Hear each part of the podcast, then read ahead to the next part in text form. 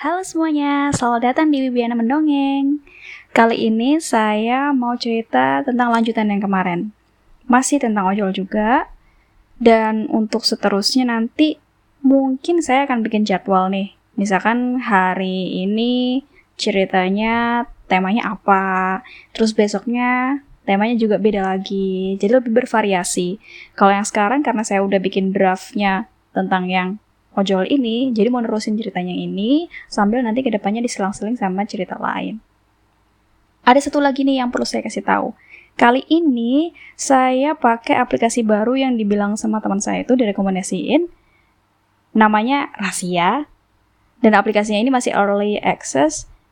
Dan yang bikin saya susah adalah aplikasi ini nggak bisa di pause. Jadi dia cuma ada tombol start sama stop doang. So, ini bener-bener rekamannya live. Karena kalau udah saya stop dia udah jadi track lain. Sambil latihan. Nggak apa-apa. Jadi nggak boleh salah. Bismillah. Untuk kali ini saya mau nyeritain tentang pengalaman ojol. Um, bukan Gojek. Grab. Jadi saya suka pakai Gojek lebih sering daripada Grab. Cuman waktu itu kebetulan ada voucher jadi pakainya pakai yang Grab. Grab Food jadi, itu waktu siang hari kita mau pesen makan um, butter chicken dari resto Namaste. Ingat banget karena ini kejadiannya cukup pelik. Karena kita sempat ada ribut-ribut gitu sama drivernya. Pertamanya, gini. Kita pesan biasa aja kan. Terus dapet driver, oke, okay, kita bilang sesuai aplikasi. Dia juga nanya, uh, posisinya udah sesuai titik atau segala macam kayak gitulah yang validasi-validasi yang biasa dilakuin driver. Terus kita bilang oke, okay, bla bla bla. Terus di tengah-tengah um, pemesanan itu dia sempat minta nomor HP. Terus kan saya mikir ngapain mau minta nomor HP gitu. Katanya mau biar dia nanti gampang telepon-teleponnya. Kan dia bisa chat di situ, kan dia juga bisa chat dari aplikasi. Jadi kita nggak kasih, karena kan emang itu menjadi salah satu concern saya ya. Karena dulu saya ada pengalaman yang diteror itu di episode pertama. Jadi saya kalau ojol nelpon saya nge-save nomor saya tuh rasanya kayak ih ngapain sih? gitu. Rasanya kayak ya nggak suka aja gitu. Nggak nggak rasa kayak nggak aman aja gitu. Sekarang kan lagian si Gojek juga udah ngemas nomornya kan. Jadi kalau misalkan kita nelpon ke driver ataupun driver nelpon ke kita itu nomornya nggak akan ketahuan nomor asli walaupun entah itu bug atau gimana beberapa kali waktu saya pesan GoFood itu tetap aja nomornya driver itu keluar. Asli nomor dia bukan masking numbernya gitu.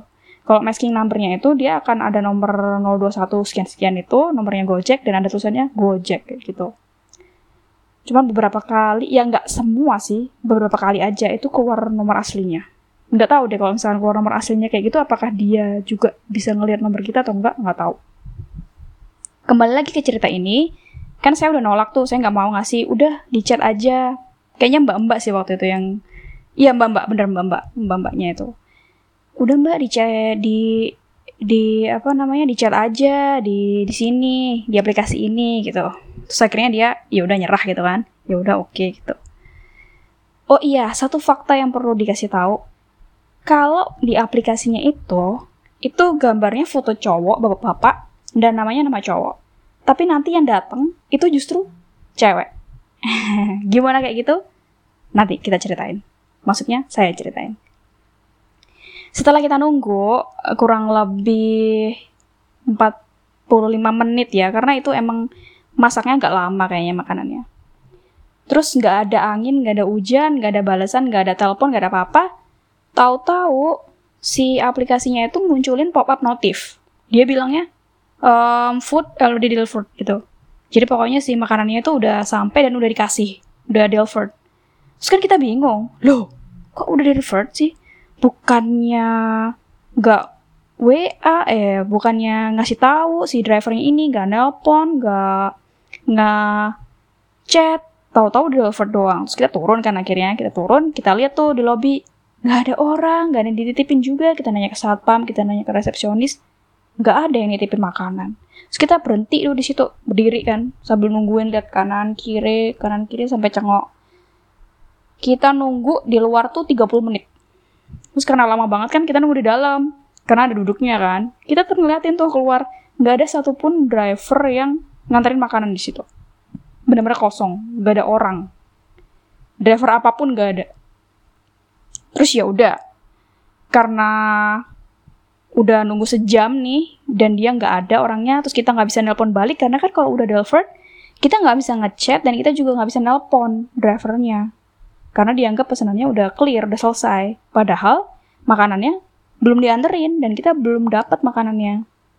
Terus akhirnya saya pencet tuh butuh bantuan atau apa gitu kan. Terus saya pencet terus akhirnya dia redirected ke kayak page gitu yang nanyain masalah kita tuh apa gitu. Ya saya bilang kan, saya pilih, ada pilihannya sih masalahnya masalahnya tuh. Terus saya pilih masalahnya adalah si driver itu bilangnya udah dikirim tapi sebenarnya makanannya kita nggak dapet. Ada pilihannya kayak gitu kan. Udah saya pilih, terus saya bilangin, hmm, kalau kita udah nunggu sejam dan drivernya tuh nggak ada dan makanannya nggak ada. Tapi udah kepotong gitu di saldo OVO-nya. Terus akhirnya nunggu 5 menit dapat refund, langsung dapat refund. Cepet banget. Terus ya udah karena udah dapat refund, pesan lagi dong. Nah, pesan lagi dengan pesanan yang sama didapetin sama driver yang lain. Terus drivernya ya seperti biasa konfirmasi sesuai pesanan bla bla bla dan lain-lain.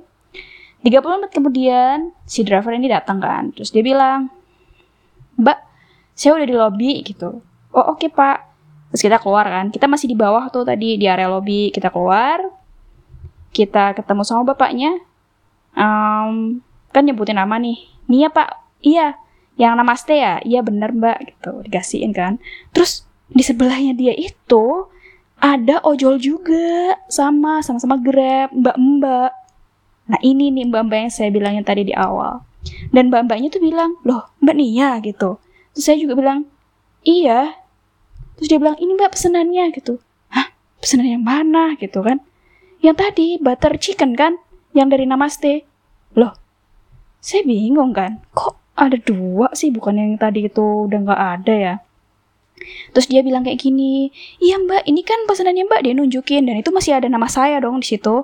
Saya bilang kan, loh, mbak tadi itu ya kita tuh udah cancel. Udah di refund uangnya gitu. Soalnya tulisannya Delvert tapi saya nggak ada nggak ketemu sama mbaknya. Barangnya nggak dianterin makanya saya minta refund gitu. Terus si mbaknya bilang gini saya dari tadi di sini kok gitu. Mbaknya aja nggak nemuin saya nggak kelihatan gitu. Terus saya ya nggak ngeyel dong? Saya bilang saya udah di sini dari tadi saya udah nungguin mbak sejam tapi mbaknya nggak ada gitu. Terus mbaknya juga ngeyel saya udah di sini kok saya dari tadi di sini kok gitu dari tadi yang mana? Kalau misalnya dari tadi di situ kan kita pasti ketemu. Terus habis itu kan um, karena kita punya bukti kalau misalkan kita udah di situ di depan dan kita ngomongin satu empat tadi itu saya ke sini dan nggak ada kan mbaknya. Suami bilang iya emang nggak ada sih tadi mbaknya udah ke sini kok gitu. Terus emang terbukti kalau mbaknya ini tadi si drivernya itu emang nggak di situ waktu kita nungguin. Ya saya juga bilang dong ya saya nggak mau bayar itu. Itu kan urusannya mbak saya bilang kayak gitu. Karena tadi waktu kita udah nungguin sejam mbaknya nggak ada. Dan salah satu kesalahan dia yang lain adalah dia udah nge-swipe ke kanan. Dan dia udah bilang Delvert padahal belum ketemu sama saya. Ya kan? Jadi kan menurut saya itu kesalahan dia, bukan kesalahan saya. Karena saya udah nunggu di depan situ. Dan saya juga udah ngechat sebelum itu tadi kalau uh, suruh nunggu di lobby, tapi ternyata dia nggak muncul di lobby. Dan nggak tahu ke mana. Terus dia bingung gitu kan, dia bilang, e, mbaknya ini aja, ambil aja, e, nanti transfer aja manual ke rekening saya. Dia bilang kayak gitu. Terus saya bilang, nggak mau. Saya bilang gitu, ngapain saya beli dua, orang saya butuhnya cuma satu. Terus ya udah, saya tinggal aja ke dalam, saya langsung masuk aja gitu. Habisnya, kalau menurut kalian nih, dalam posisi kayak gini, gimana? Kalau saya sih ya saya juga nggak mau dong. Maksudnya kejadian kayak gini nggak pernah kejadian sebelumnya gitu. Jadi driver itu kalau saya pesen GoFood ataupun GrabFood, dia selalu nge-swipe-nya setelah dia nganterin pesanan itu ke saya. Nggak pernah, dia udah nge-swipe duluan, padahal belum ketemu sama saya, nggak pernah. Karena kalau misalkan dia udah nge-swipe duluan ke kanan, itu semua chat sama teleponnya tuh udah mati fiturnya jadi dia nggak mungkin bisa nelpon ataupun ngechat kita lagi dan nomor kita udah nggak ada di situ gitu jadi kan susah mau ngubungin nggak tahu kan orangnya yang mana dan itu membuat saya hmm, beberapa kali kan saya di podcast juga udah nyaranin nih ya harusnya mereka itu punya sistem yang nge-matchin si pembeli dan si driver ini gitu. Contohnya nih, kayak yang OTP itu ataupun passcode yang ada di sistemnya Bluebird. Jadi, si driver ini pasti harus ketemu dulu sama si customer dan mereka minta kode dari customer ini untuk nyelesain pesanannya dan kodenya tuh udah unik pasti cuma customer ini doang yang punya gitu jadi nggak mungkin salah dan nggak mungkin nggak delivered karena untuk jadiin deliver itu dia harus nyocokin kode ini dulu ke customernya gitu. Jadi aman gak jadi ngejen kayak gini lagi. Hmm.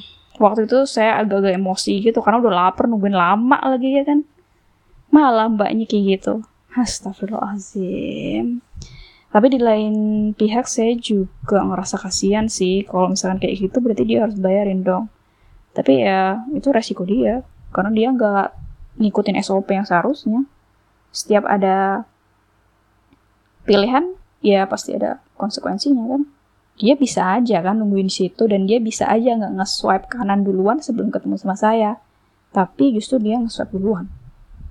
Well, ya udah. Terus setelah itu ya kita makan aja biasa, udah nggak ngepikirin lagi gimana nasibnya dia ya kalau misalnya tuh bikin dia susah ya gimana dong maaf tapi itu kan resiko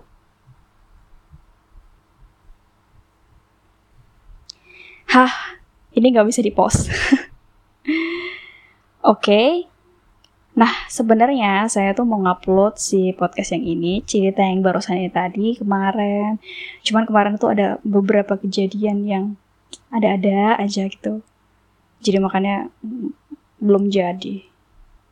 Terus kan saya bilang tuh kalau saya bakalan mau ngupload podcast-podcast saya ini ke YouTube udah saya coba udah saya convert ke MP4 yang hasilnya ini. Tapi nggak tahu kenapa kalau saya upload ke YouTube itu dia tuh waiting terus kayak gitu. Mungkin karena koneksinya kurang. Oke okay kali ya jadi dia belum bisa ke-upload, padahal itu cuma 10 menit loh. Cuma beberapa megabyte aja, tapi nggak mau. Nggak tahu kenapa deh. Udah lama banget nggak pernah ngupload ke YouTube. Jadi masih coba-coba lagi. Untungnya kalau pakai yang aplikasi ini, dia bisa langsung di-convert, di-save audio ataupun video. Jadi mungkin agak lebih gampang kali ya. Cuman yang uploadnya itu yang agak PR. Hmm.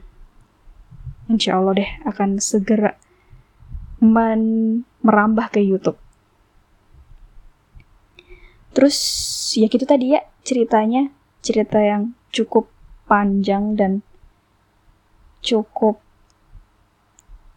pelik kalau waktu itu sih, waktu saya ngadepin si mbak ini. Karena mbaknya tuh agak ngeyel banget gitu.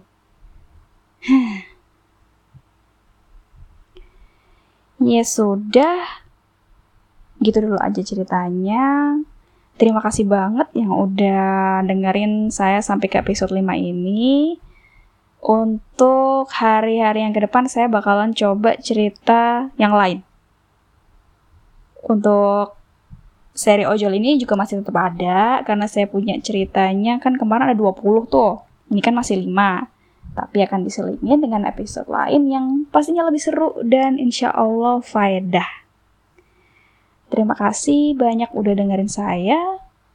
Dan sampai jumpa di episode yang selanjutnya. Bye!